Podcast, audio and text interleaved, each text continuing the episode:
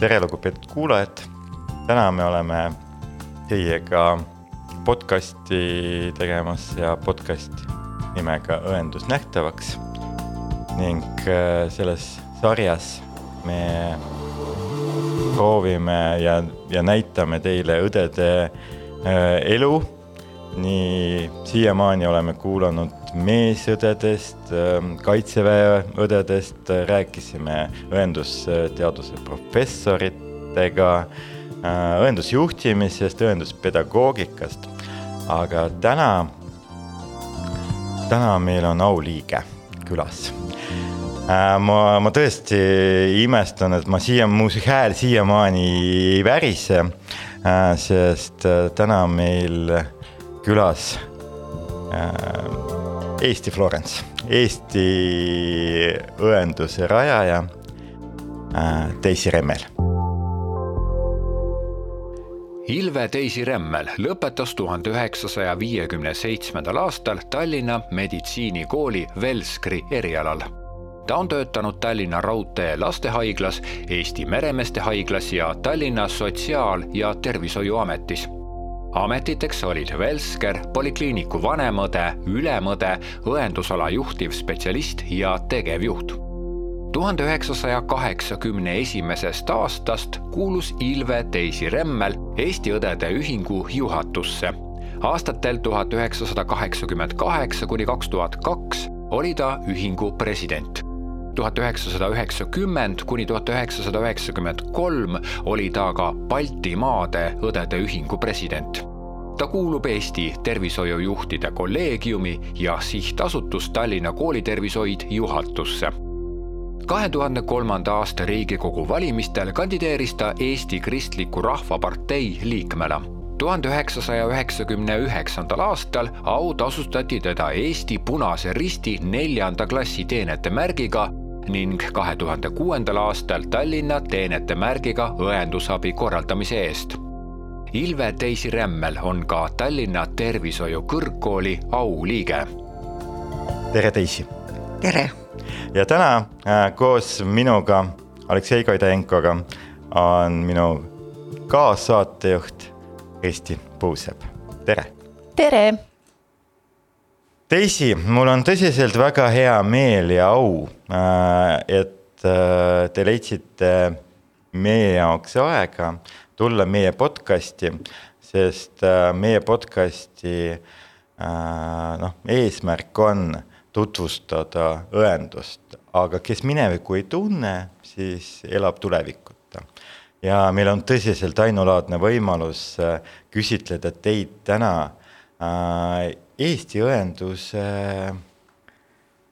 ajaloost selles mõttes, et kuidas üldse Eesti õendus äh, arenes, kust ja, ja, ja, ja kindlasti mina olen kindel, et te olete äh, üks nendest alusepanijatest.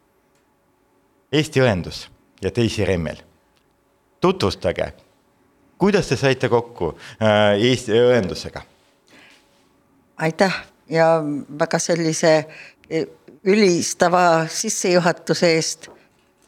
aga õendusega sain mina kokku selles, et e, ma ei tahtnud saada õeks. ma kasvasin suures perekonnas. ma olin üheksas laps, meil oli kristlik perekond ja minu kõige vanem õde oli õpetaja. ja kui mina läksin keskkooli siis mul oli ainukene unistus saada matemaatikaõpetajaks. mulle väga meeldis matemaatika. Ma tegin kõik matemaatilised tehingud juba varakult ära, kui raamatu kätte sain. aga siis lasti minu kallis õde õpetaja kohalt lahti, kuna mitte sobilik nõukogude aja õpetajaks. ja minu isa, kellel oli erakordne tarkus alati, ütles, kallis laps tule nüüd sealt keskkoolist ära ja mine õppima Velskriks. siis võeti Velskrit kohe vastu, oli, avati just uus osakond, et mine õpi Velskriks. et küll sa näed, et see on sinu elu tulevik, et eh, sa ei saa niikuinii õpetaja olla. ja ma kuulsin siis isa ja läksin siis õppima Velskriks.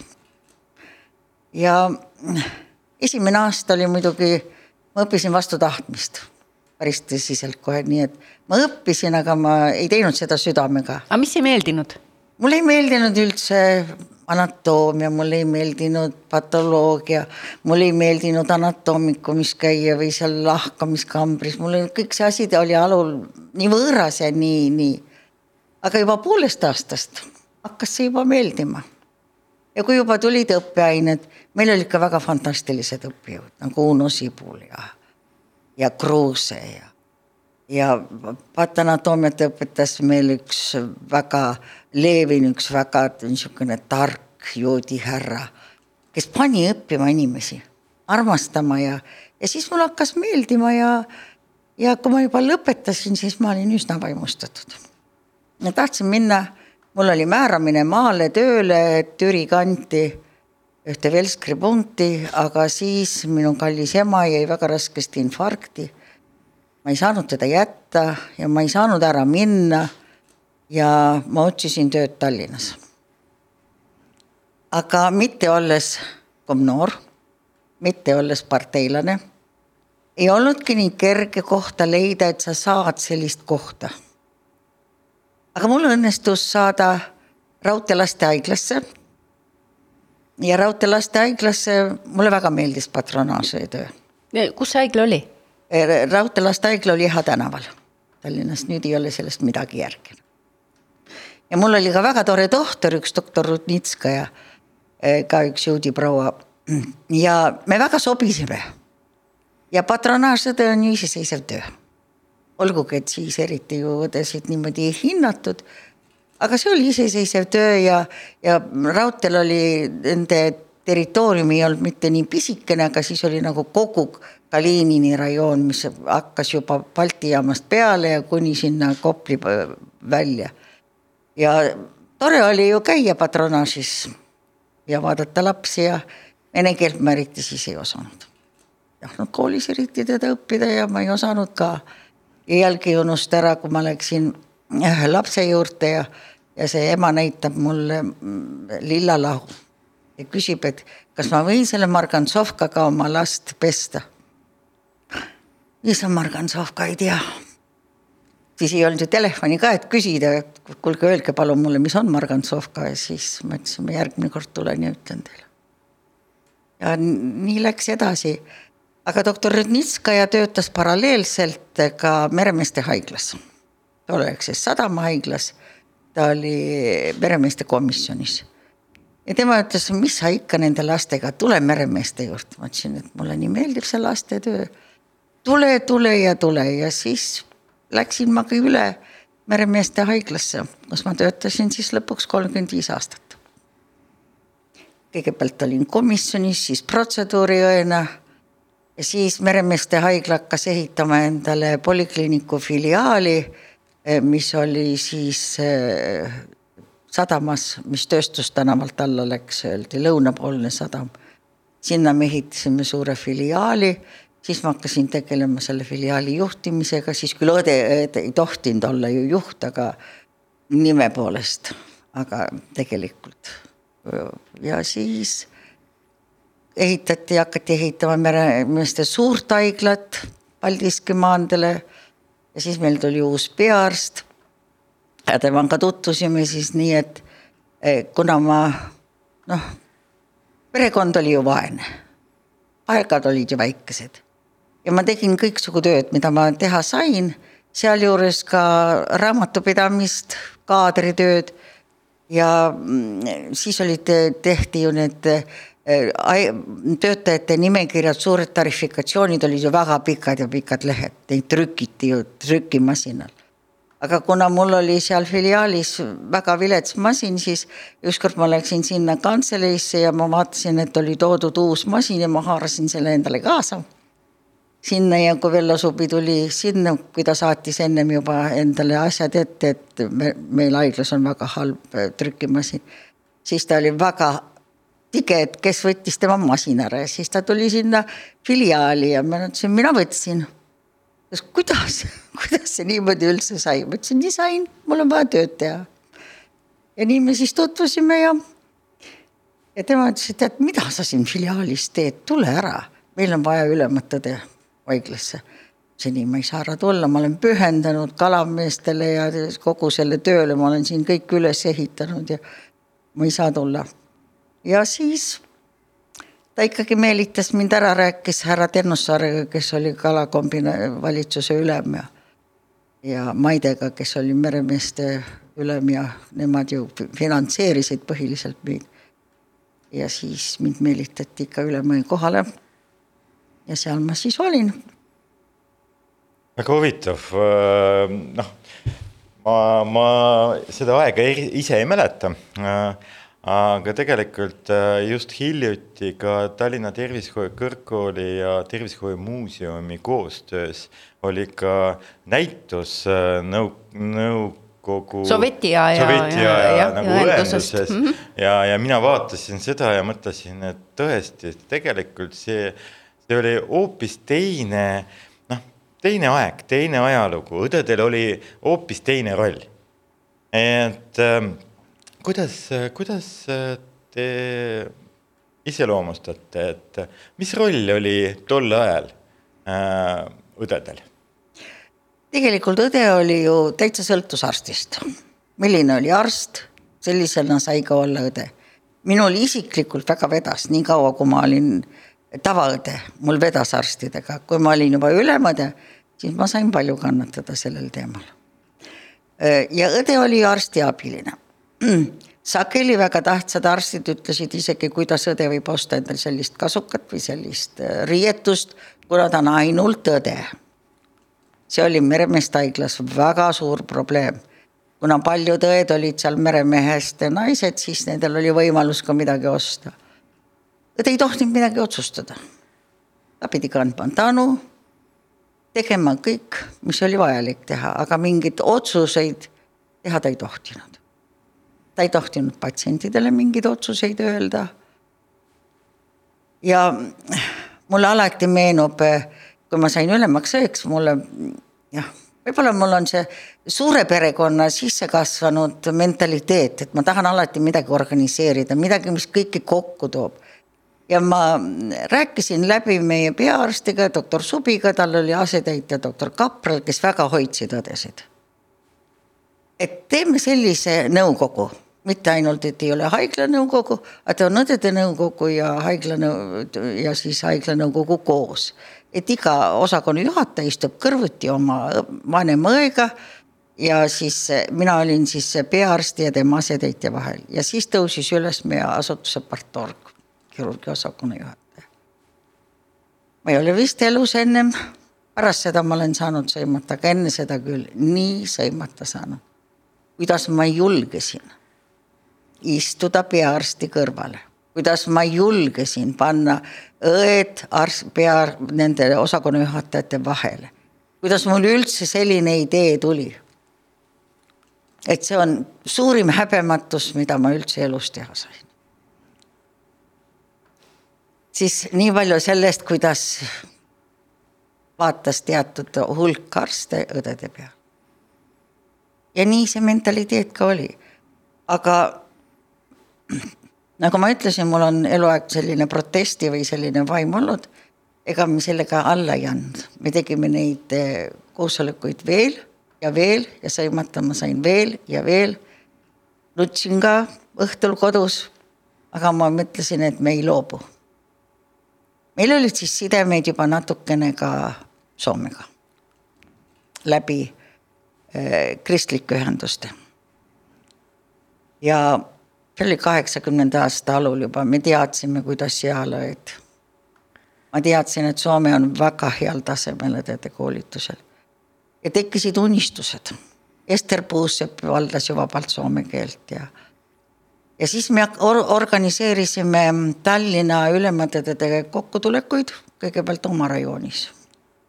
ja õnneks Kalinina rajoonis, kuhu kuulus ka siis tollel ajal Meremeeste haigla olid sellised fantastilised peaarstid nagu Vello Ilmaja koos oma õega, vanema õega ja, ja Merimetsa haiglas oli ju Tammai Lea koos Kati Kirdiga.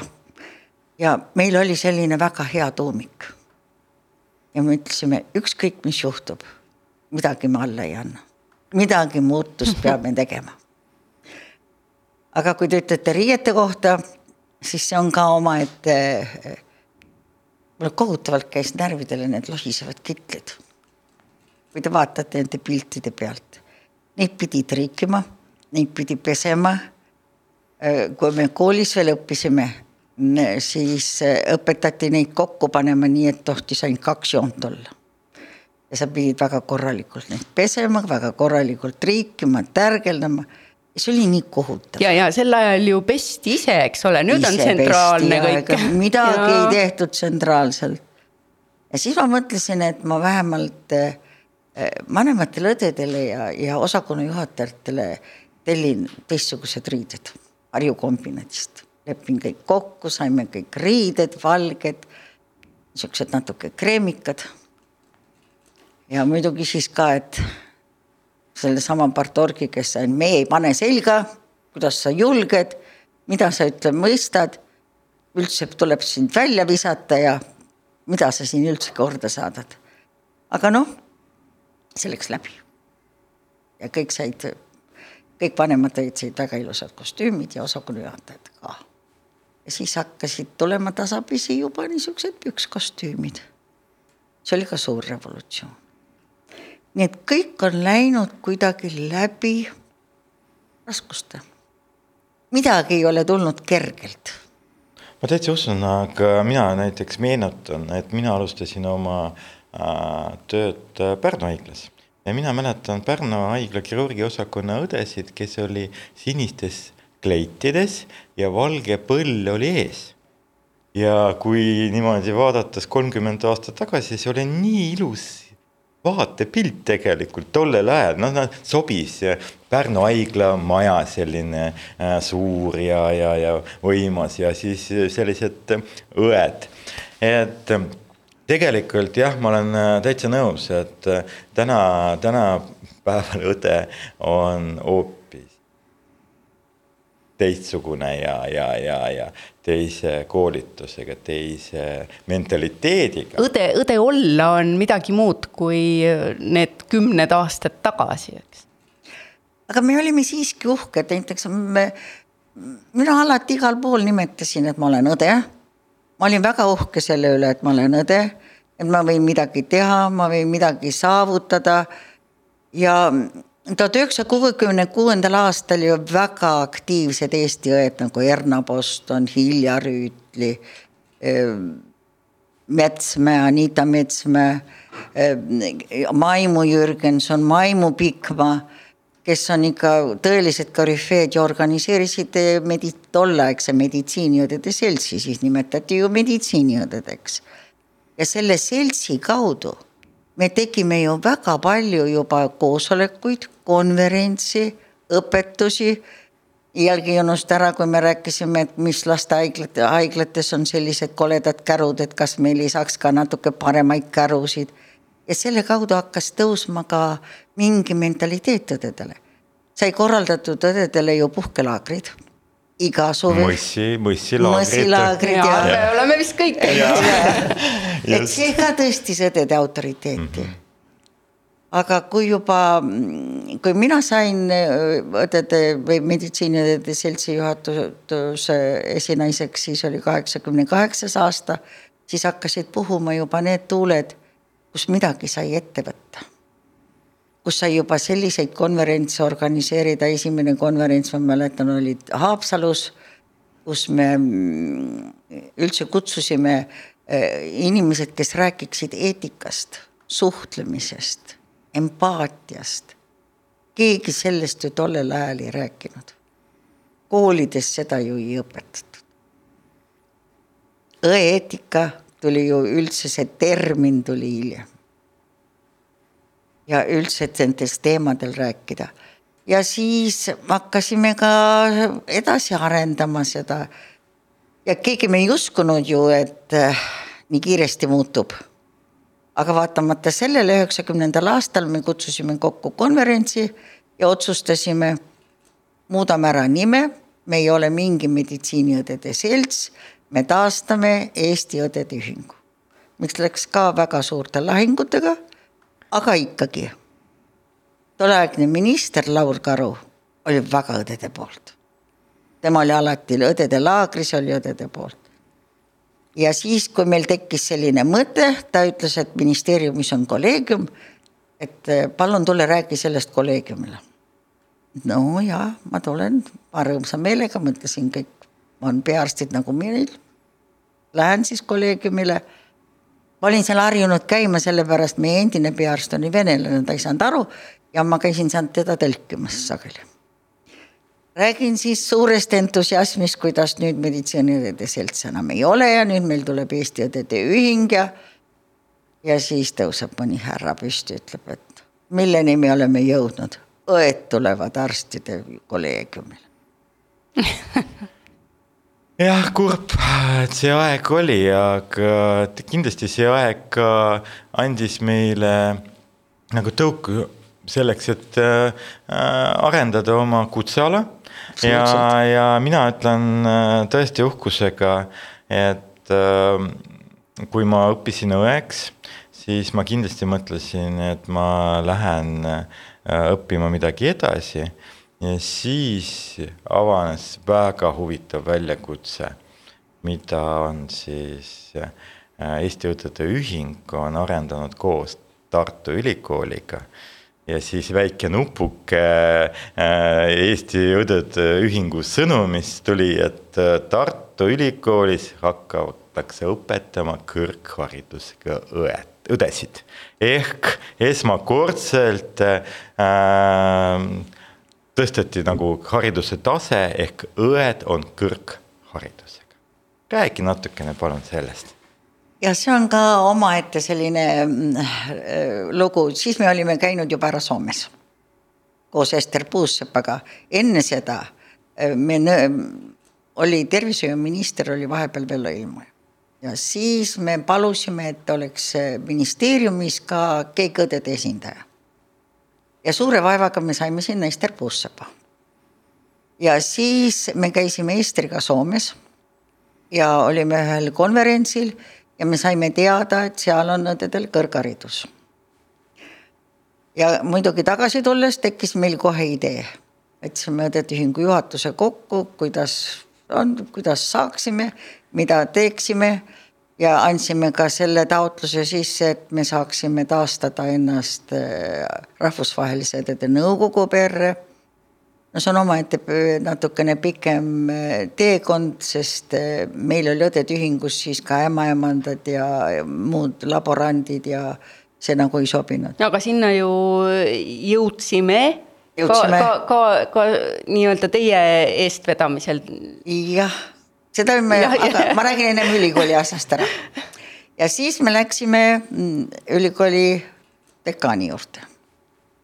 ja ütlesime kõik selle jutu ära, et me tahaksime sellist asja, et, et tuleksid õppima Tartu ja tuleks kõrgharidus õdedel ja, ja need, kes on saanud juba keskhariduse ja, ja ta lausa viskas meid välja.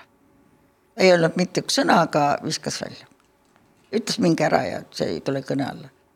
aga siis tuli järgmine aasta meile ICN-i preside- või tegevjuht Konstantse Holeran, kes omab kolm kõrgharidust.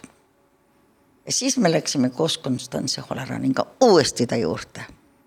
ja siis, kui ta kuulis üheksakümne esimesel aastal, et õdedel on välismaal igal pool kõrgharidus, siis saime selle teemaga lõpuni. ja pärast seda nad olid, alul nad väga, see õppimine oli kuidagi nii vaevaga alul, siis nad ei tahtnud lubada ju praktikat kuhugi. siis ma leppisin kokku Soome ja Rootsiga, mul olid juba siis väga head sidemed nii Rootsi kui Soomega, et nad ikkagi võtaksid praktikale meie õdesid, et nad näeksid olevaid õdesid siis ei tahtnud dekaan lubada neid välismaale, et nemad ei maksa mingid kulud. aga ter-, äh, haridusministeeriumis töötas siis Mare Kraav. ja mul on alati vedanud kuidagi selliste toredate inimestega, kes aitas siis läbi haridusministeeriumi, läbi Soome finantseerida Soomet ja läbi Rootsi finantseerida Rootsit meil oli siis kokkusaamine ja, ja koos selline nõupidamine, et me tahame praktikale saata ja, ja nii said siis need esimesed üliõpilased praktikale saata. aga siis oli ka üks õnnelik juhus. Tallinna tuli külla äh, Taanist üks kõrge esindus aga nagu on vahest eh, ministeeriumil olnud aega, nad ütlesid, kuule teisi, nad on meditsiinilise kalduvusega, et võta nad vastu. Ütlesin appi, kuhu ma nad võtan, raha pole, midagi pole. kutsusin nad oma juurde koju, ma ütlesin, mul küll väike korter, aga las, las olla. ja siis nad küsisid, mida me tahame saada. kas ma tahan saada palka, et ma olen president, kuna tol ajal ju oli see mittepalgaline koht. ma ütlesin ei me tahame saada uut õppekava tervishoiu kõrgkoolil ja me tahame saada koostööd, et me saaksime, et kõrgkool saaks ka kõrghariduse, nii nagu see on igal pool maailmas. ja siis ülikool lõi põnnama, ütles, miks te tahate tervishoiu tolleaegset meditsiinikoolid üle viia kõrgkoolideks, siis mulle nii palju kõrgeid inimesi vist ei ole elus enne ega pärast helistanud, kui siis kõik palusid, et see õpetamine jääks ülikooli juurde, et mitte ei tuleks tervishoiu kõrgkoolid tähendab. aga ikkagi see sai tänu ka tolleaegsele haridusministrile Aaviksoole, kes aitas kaasa sellele palju, et, et saaksid õppida. ja, ja Taaniga koos oli ju nii teie koolil Lemon, Lemon raamatud olid. Lemon, kõik raamatud sai toodud. just ja äh, need äh, kõik toimingute raamatud ja kõik sai ju Taaniga koos tõlgitud ja see projekt sai tehtud ja, ja see oli pikk ja tore aeg. Roppenlaugen Türni mudel sai eesti keelde tõlgitud ja, ja tegelikult see oli väga huvitav aeg, see üheksakümnendad. see oli selline murranguline, et ja tõesti, need kuni aasta kaks tuhat, et see, see kümme aastat olid tõesti iga, iga, iga päev oli, ma, ma aktiivselt töötasin ise õena, õppisin Tartu Ülikoolis, arendasin intensiivõenduse kutseala, eriala ja, ja tegelikult ma meenutan need kümme aastat, äh, noh, need just esimesed äh, kümme Eesti aega äh, tõesti väga-väga aktiivselt me oleme noh, koos Õdede Liiduga teinud koostööd ja tegelikult aastal kaks tuhat juba esimesed üliõpilased lõpetasid tervishoiu kõrgkooli kõrgharidusega kõigepealt oli vaja murda see, et üheksakümne, ma ei mäleta nüüd, kas oli üheksakümne esimesest, üheksakümne teisest aastast hakati vastu võtma keskkooli baasil. vanem võeti ju meditsiinikoolides ja põhikooli ja, baasil, aga see oli meil kõige esimene probleem, et saaks keskkooli baasil. ja siis, et see õpetus oleks kolm ja pool aastat. ja õppekava sai üheksakümne kuuendal aastal ju vastu võetud ja siis sai kolm aga mis puutub siis äh, rahvusvahelisse õdede-ühingusse mm, äh, kandideerimisest, Eesti omal ajal ju astus õdede-ühingusse tuhat üheksasada kakskümmend kolm. ja meil tuleb ju saja-aastane juubel. tähendab, äh, asutamine oli kakskümmend kolm, nad astusid rahvusvahelise ühingusse kolmkümmend kolm ja meie tahtsime siis ka, aga siis tollel ajal eh, oli selline seadus, et ei tohtinud seal olla, eh, pidid olema puhtalt õed. nüüd on seda muudetud, nüüd on, saab kõik. ja siis meil tekkis jälle idee, et organiseerida õdede kutseliit. ja siis oli palju, eh, see on tänu Rootsile, me hakkasime Rootsiga tegema siis koostööd, nendel on ka selline kutseliit nagu meilgi. tervishoiutöötajate kutseliit? ei, õdedel. õdedel, okei okay.. õdedel tähendab äh, vanasti nagu nimega keskastme. okei okay., okei, jah. nii nagu meil oli mm -hmm. Eesti Tervishoiu, keskastme tervishoiutöötajate kutseliit. ja siis nendega paralleelselt, nemad käisid meid koolitamas ja siis sai kutseliit, siis sai lahtu löödud õdede ühing, ämmaemandade ühing, laborantide ühing operatsiooniõed ja kes olid onkoloogiaõdede ühing ja need kuulusid kõik Kutseliitu, aga eraldi siis oli lahti. ja siis me saime juba üheksakümne teisel aastal käidi meid uuesti kontrollimas, jäädi rahule. esimest korda ma sain teada üldse, mis tähendab õenduse lugu, õendusdiagnoosid. üldse, mis tähendab õendus areng ja õendustoiminguid ja õendusastmeid, me ei teadnud ju sellest midagi ja siis, kui üheksakümne teisel aastal käisid kõik meid kontrollimas, me tegime väga palju koostööd ka Leedu ja Lätiga. sest samal ajal ma olin ka Leed-, Baltimaade Õdede Ühingu president ja siis me tegime väga palju koostööd nendega. Aga nendel kahjuks ei läinud läbi üheksakümne kolmandal see vastuvõtmine ja meil õnnestus. see oli tõesti ülepäev. ma ütlen, et seda ma meenutan vist surmatunnini, sest see oli nii suur unistus tagasi astuda. ainult me tegime Soome Õdede Ühinguga protesti, sest nemad kirjutasid, et me astusime, aga me tahtsime, et meid taastati, sest täpselt kuuskümmend aastat tagasi me olime astunud. aga noh, nii, nii ta jäi ja see oli tõesti, kui, kui suur Madridis suurel amfiteatris mängis Eesti hümni Eesti lipp tõusis, see oli, see oli midagi ilusat. toob veel täna pisarad silmi rõõmust. just see rõõm, et meid arvati väärt. me olime kogu aeg ju surutud olekus. meid ei arvatud väärt õdesid sellisena, et nad võiksid kuskil areenil olla. ja mis ürituse me veel tegime, üheksakümne esimesel aastal organiseerisime äh, sellise suure ürituse õdedele, Õdede Ühingu lipu õnnistamise Kaarli kirikus, siis marssimine läbi linna nüüdsesse sinna endisesse Vaino keskusesse, tänapäeva Solarisse ja Apollo sinna keskusesse, oli terve suur marss, kõik politseid või tolleaegsed miilitsad olid ees ja taga, et kõik näeksid ja meil on lipp ja et kõik näeksid, et õed on midagi väärt. Ja rahvast oli palju ja, ja, ja tõesti oli ka siis ministeeriumite esindajad.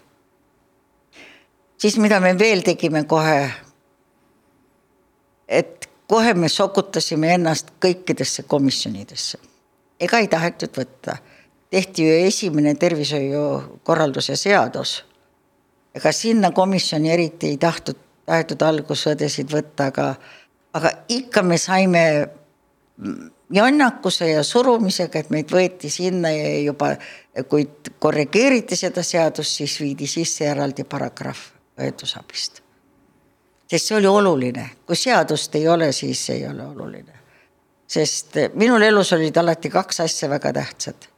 peab olema seadused, et tõel on, aga kõige tähtsam, et oleks koolitus. ja siis me hakkasime mõtlema, et kuidas oleks kui meil oleks ka õed magistrid. see oli üks suur-suur unistus ja siis me saime Tartu Ülikooli juurde selle magistriõppe.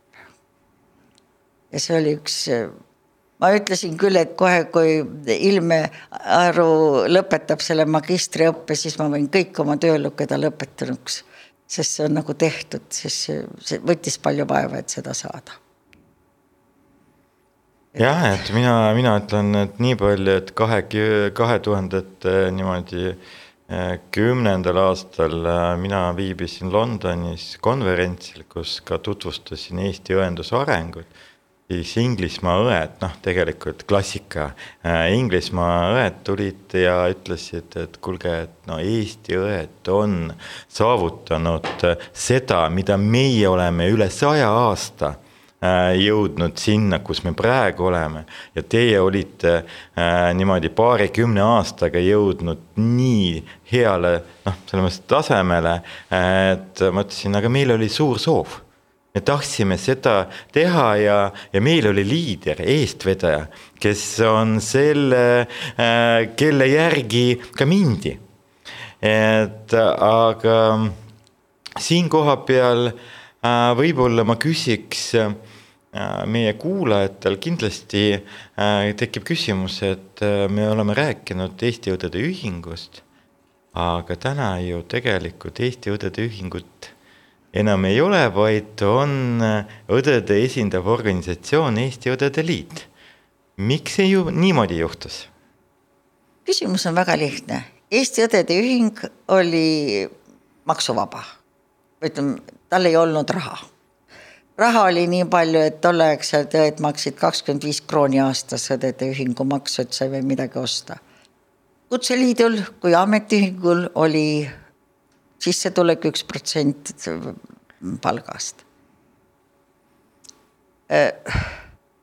nii kurb, kui see oli, aga alati see raha saamine tekitas väga suuri probleeme. Ja olles jõudnud juba sellele maale, et me tundsime, et meil on jõudu teha samasugune liit, nagu on Rootsis, Soomes. tehu, et me võime arendada ja me võime ka saada endale palgalist töötajat. me tegime ju kõik vabatahtlikult, töö kõrvalt. ega kõik see areng ei ole ju nii lihtne teha töö kõrvalt areng läks ju edasi. me selgelt nägime, et meil oleks vaja õdede ühingule kontorit, et meil oleks vaja töötajaid, et äh, kuna kõik oli ju projektipõhine. kõik sai käidud kusagilt nagu almust palumas, raha palumas, see lõppude lõpuks väsitab ära. ja siis oli meil väga tugev juhatus ja me otsustasime, et me loome Eesti Õdede Liidu siis meil on ka ametiühingulised õigused, me võime ise olla nagu rääki-, palgaläbirääkijad. ja nii see sai tasapisi tehtud ma olin sealsamas äh, ametiühingute majas äh, koosolekul, kus äh, siis hääletati Eesti õdede. ja mina ka just, et saalis punased sedelid tõsteti üles, kes on poolt ja kes on vastu ja ja, ja tegelikult täna Eesti Õdede Liit on väga tugev organisatsioon, kes veab väga palju erinevaid arendusprojekte ja, ja mina olles ise ka äh, ja selles mõttes äh, sotsiaalministeeriumi juures on lausa loodud arendusnõukogu, et ja, ja, ja mul on tõesti noh, hea meel Äh, Kristi ka, see on äh, selle nõukogu, nõukoda või, või, nõukogu jah. nõukogu mm. liige ja, ja seal on väga palju huvitavat äh, projekte praegu arendatakse ja ma usun, et Eesti õendus arend-, areneb no, no, no väga jõuliselt. ta on arenenud juba väga hästi ja, ja peab ütlema, et noh, enamus unistusi, mis me siis unistame, on ju täidetud. meil on õed magistrandid. esiteks, meil on kõrgharidusega õed, meil on õed magistrandid, meil on iseseisev õdede vastuvõtt, meil on õed doktorid, mida me ei osanudki unistada tollel ajal, et seda me jõuame sinnani. sest me peame ütlema, me palju unistusi oleme ikkagi saavutanud, mis me siis unistasime. aga sel ajal, kui neid asju kõiki sai planeerida ja teha ja, ja noh see, see oli ju keeruline ja raske aeg, et tõesti, et oli vaja samas ka tõestada ennast, et mitte ainult, et me võtame ja organiseerime ja teeme ära, aga suur jõud ja aeg läks ka selle tõestamise peale, et kellelegi selgitada, et kõike seda vaja on. See on jah, see on, ma ütlen, et see on palju pisaraid too aeg. ega see ei olnud kerge ka, ega ma pean ütlema, et ka õdede enda keskel isegi minust on, kirjutati pikk artikkel, et see teise Remmel ei taha muud kui ainult koolitusi, kas me nüüd ei olegi õed ja, ja miks ta meid üldse tahab solvata ja sest ega inimesed on inimesed.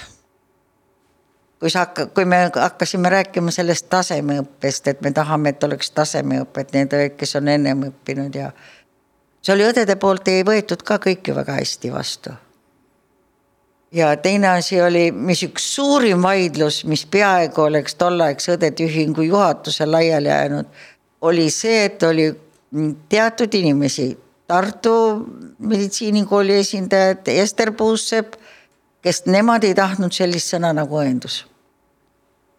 Nendele oli meeltmööda, et kui soome keeles tõlkida, siis see peaks olema põetusabi. sellest oli, see oli väga suur vaidlus. See oli, kestis mitu kuud. me käisime koos igal nädalal ja igal nädalal lõppes see vaidlus väga suurega. aga ma olen väga õnnelik, et eh, paljud eh, tulid kaasa ikka selle mõttega, et saab ikka õendus ja ja kuidas me oleks praegu öelnud põetusabi magister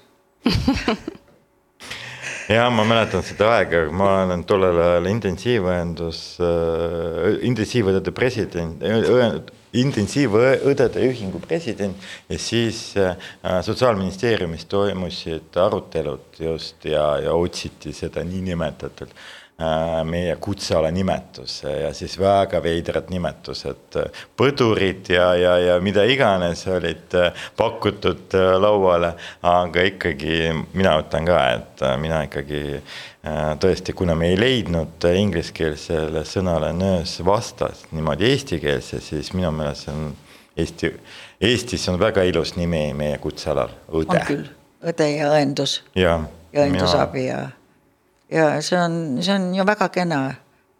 aga. kõige suurem võib-olla nüüd äh, iseseisvusaja, kõige suurem vastupanu oli arstkonna seast, et õde hakkab iseseisvalt vastu võtma. kõik juba lepiti, et õde võib seal töö juures teha iseseisvat tööd ja sellega enam ei olnud äh, kolleegiumil, siis me olime juba kolleegiumi osa ja ma käisin haiglate juhtkonna koosolekutel ja igal pool koosolekutel, keegi enam siis selle vastu ei olnud. ja et õde juba iseseisev on, aga iseseisev vastuvõtt, see oli absoluutselt vastuvõtmatu. ja kahe tuhande esimesel aastal, kui me kahe tuhandel juba hakkasime, et oleks koduõendus ja kooliõendus, need olid kaks esimest sellel oli no nii kohutav vastuvõtt, et mis see koduõde kodus teeb, läheb, hoiab ainult haige kätt ja mida tal üldse seal teha on ja, ja, ja ärge üldse mõelgegi.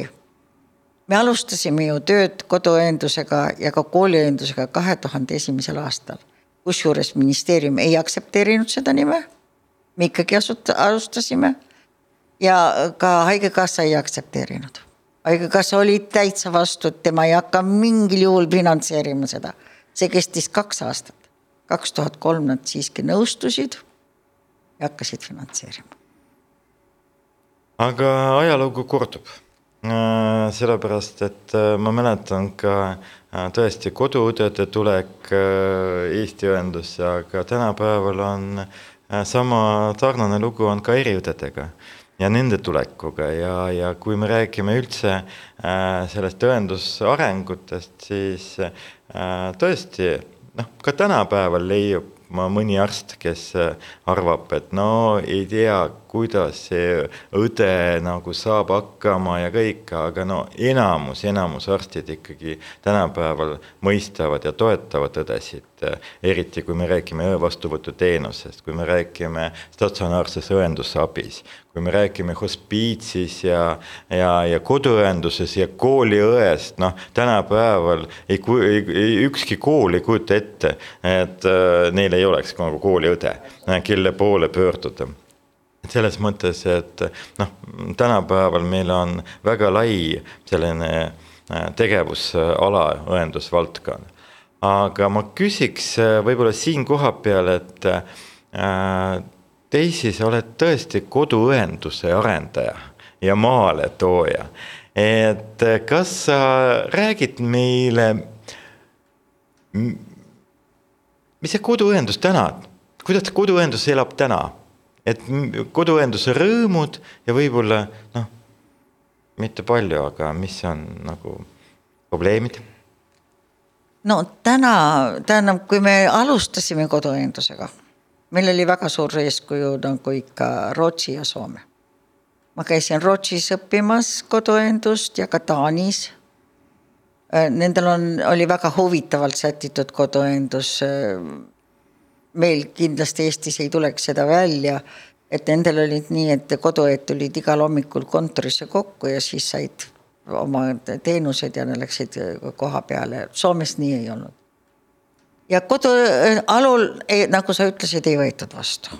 arstid ei tahtnud, millegipärast nad kartsid anda saatekirju, ma ei tea, miks. kas nad kartsid, et see tuleb nende rahast, aga alul oli väga raske me alustasime ju. kaotada patsiendi, noh arsti, arsti põhimõte omal ajal oli ju, see on minu patsient. absoluutselt. ja ma ei jaga seda mitte kellegiga ja siin tuli õde, kellega nagu kes tuleks, läks koju veel. just nimelt, kes läks veel koju, noh, ütleme ausalt, et äh, olid need ümbrikuajad ja kingituste aeg, šokolaadid ja, ja kõik, et sellest. nüüd õde saab omale. just, just, see oht oli. oli, oli, oli, see oli väga suur oht. aga palju oli, väga palju aitas meid see, et me näitasime, et Punane Rist käib, Punase Risti õed käivad kodus, nõndanimetatud õed ja me näitasime, millised on patsiendid, me tegime nendest pilte. ja me näitasime, millised on need patsiendid ja mida tegelikult kodus keegi ei külasta. ja siis hakkas tasapisi ikkagi koduõendus ja kui juba kahe tuhande kolmandal Haigekassa finantseerima hakkas, äh, siis juba hakkas arenema ka koduõendus kodus. kuhu on jõudnud koduõendus tänaseni? ta on väga palju arenenud õed on arenenud, õed on koolitatud. aga üks suur mure on, et äh, arstid on jälle tahtnud, et ta oleks mingite haiglate all, nagu suurte haiglate all, nagu Lääne-Tallinna, Ida-Tallinna all ja teiste keskhaiglate all, tervisekeskuste all. et äh, oleks see koduõendus ja need, kes teevad iseseisvat koduõendust, need peavad läbi, läbima riigihanke me oleme jõudnud nii kaugele, et õed, kes töötavad haiglate all, ei pea omama pädevust. õed, kes töötavad iseseisvalt asutustest nagu Koduõde OÜ, Koduõde ja kes on sellised asutused, nemad peavad riigihankel omama pädevust. ja teatud, no koolitusi peaksid kõik omama. aga kuna haiglate all olevatel on ainult tegevusload, nendel ei ole mingit kontrolli siis kahjuks see nii on. ja see ebavõrdsus, me, ma ei tea, kui kaugele on jõudnud Õdede Liit nüüd selle äh, haigekassaga, nüüd tulevad Tervisekassaga läbirääkimistel me selle küsimuse tõstatasime siin äh, mitu korda, kui mina veel olin viimases komisjonis. et see tuleb ära lõpetada. muidugi jälle öeldakse, et jälle see Remmel oma õelusega ei no mina, mina siin koha peal toetan, et, et iseseisva vastuvõttu osutav õde äh, peab omama pädevuse. ja, ja siin teema, et äh, ühele on, teisele ei ole, see ei ole ebavõr-, ebavõrdsus äh, tekitada üldse ei ole nagu õige ja, ja, ja mina kindlasti toetan nii õendusjuhina kui õendusarendajana seda, et äh, esiteks on võrdsuse printsiip ja teine asi on ikkagi õed peavad vastama äh, kindlatele äh, nõuetele nii koolituse osas kui teadmiste osas, pädevuste osas. ehk siis noh, äh, siis me saame see ei puuduta ainult koduõendus tegelikult kõik valdkonnad, kus on niinimetatult õe teenuse osutamine, kus on õdedel see vastutusmoment, siis need, nad kõik peavad olema väga hästi koolitatud ja, ja, ja õpetatud. aga Kersti, Kristi, sorry jaa, ma siin kuulasin neid äh, arendusmõtteid ja, ja kui palju tegelikult on tehtud ja, ja kuhu me oleme jõudnud, eks ole, kasvõi siin koolituste osas, äh, kõrgharidus, tänaseks ka magistriõppe võimalused ka tervishoiu kõrgkoolides, mitte ainult ülikoolis ja aga äh, kas see õde, kes täna töötab ja, ja, ja tervishoiuasutusest vastu vaatab vastab sellele unistusele või ettekujutusele, mille nimel seda kõike sai teha? ma pean ütlema, et kahjuks vahest see ei ole nii. mis on kaduma läinud? on kaduma läinud võib-olla see empaatia, see suhtlemine. õde on, tegeleb nagu rohkem oma elektrooniliste lugudega. ta on rohkem arvutis ta tunneb ennast rohkem võib-olla kõrgspetsialistina, mitte kõik, aga sageli nii on. kuna kahjuks ma olen pidanud viimase viie aasta jooksul väga palju tervishoiuasutusi külastama, siis on väga-väga-väga selgelt näha, kuidas mõned asutused ikkagi, ikkagi jääb pooleli. suhtlus, see, see selline äh, hooldus ja selline südamlikkus, mida me tegelikult õdedest tahame, et nad oleksid ju tegelikult väga südamlikud haigete vastu. armastusest jääb puudu. vaata see tulukene, mis siin peab olema, jääb puudu ma ei saa küll nuriseda iseenda suhtes, sest paljud tunnevad mind ära ja siis on kohe asi teine. aga see ei ole ka, see ei ole loogiline. Et see, et ma olen nüüd õena töötanud ja võib-olla olnud õdede ühingu president, ei, ei ole loogiline, iga inimene tahab saada. ma iialgi ei unusta ära, kui me käisime president Lennart Meri juures ja mul oli võimalus viibida kuni tema suri voodini, siis ta alati ütles, et ma tahan, et minu väärikus ei kao. Ma tahaksin tänapäeva õdedele ka ütelda, et nad käituksid patsientidega nii, et nende väärikus ei kao, ükskõik, kes nad on. kas on lihtne memm, kes tuleb, lihtne taat, kes tuleb. et see, vot seda soojust tahaks. see on kaduma läinud. on see hoolivuse mõõdupuu? kindlasti, kuidas, kuidas me suhtume. sest väärikus on ju kõige olulisem, inimene tunneb ennast alati väärikana, tahab tunda ennast ükskõik mis olukorras. Äh, väga hea, ma just mõtlesin, et plaanisin, et ma küsin Daisy Remmele käes, et äh, mis need sõnad on, äh, mida Daisy soovib täna Eesti õdedele öelda. ja, ja need ongi tõesti, et, et käituge nii, et nagu te tahaksite, et teiega käitutakse. käituge väärikalt äh, iga oma patsiendiga ja jääge ka ise alati väärikaks. teate, kui meeldiv on, kui äh, sa lähed äh, haiglasse ja noh, paljudes ju nüüd on noored õed ja kui see noor õde tuleb sulle vastu nagu täna hommikul ma käisin MRT-s, seal noor õde, kes tuleb vastu, ütleb tere hommikut, kuidas te ennast tunnete, palun, siin on kabiin. Teate, kui meeldiv on? või, või sealsamas, ma olin alles hiljuti silmakliinikus, kus tuleb mis te siin istute, teie aeg on juba, on vahe. või ta üldse ei tegele. et aga, aga kus koha pealt see nii-öelda see teine pool, teine poolsus tuleb või, või, või see on nagu selle tinginud, et tihti, noh, kui me ka siin kolleegidega räägime, et, et jah, ma nõustun Daisy-ga teie selle tähelepanekuga, et vahel võib-olla ei ole päris nii, nagu me kõik ootame ja tahame, et kuhu see kadunud on? on see isikumoodused äh, mingid ajaga muutunud inimestel ja, ja lapsed vaatavad äh, oma vanemate pealt, kuidas no või, või koolituse, hariduse puudujäägid? Ma arvan, et elu hakkab kodust. nii kuidas ka lapsepõlves me oleme õpetatud. no mina olen kasvanud suures peres ja meid on õpetatud üksteisest hoolima, üksteist armastama ja kokku hoidma. ja kui ma läksin ülemõena töötasin, siis ma katsusin ka kollektiivi koos hoida ja ma arvan, et eh, mis võib-olla, võib-olla kõige tähtsam, et võib-olla koolides peaks rohkem tähelepanu pöörama eetikaõppele. võib-olla selle eetilisele suhtumisele, selle eetilisele käitumisele. sellele mõistmisele läbi enda niimoodi.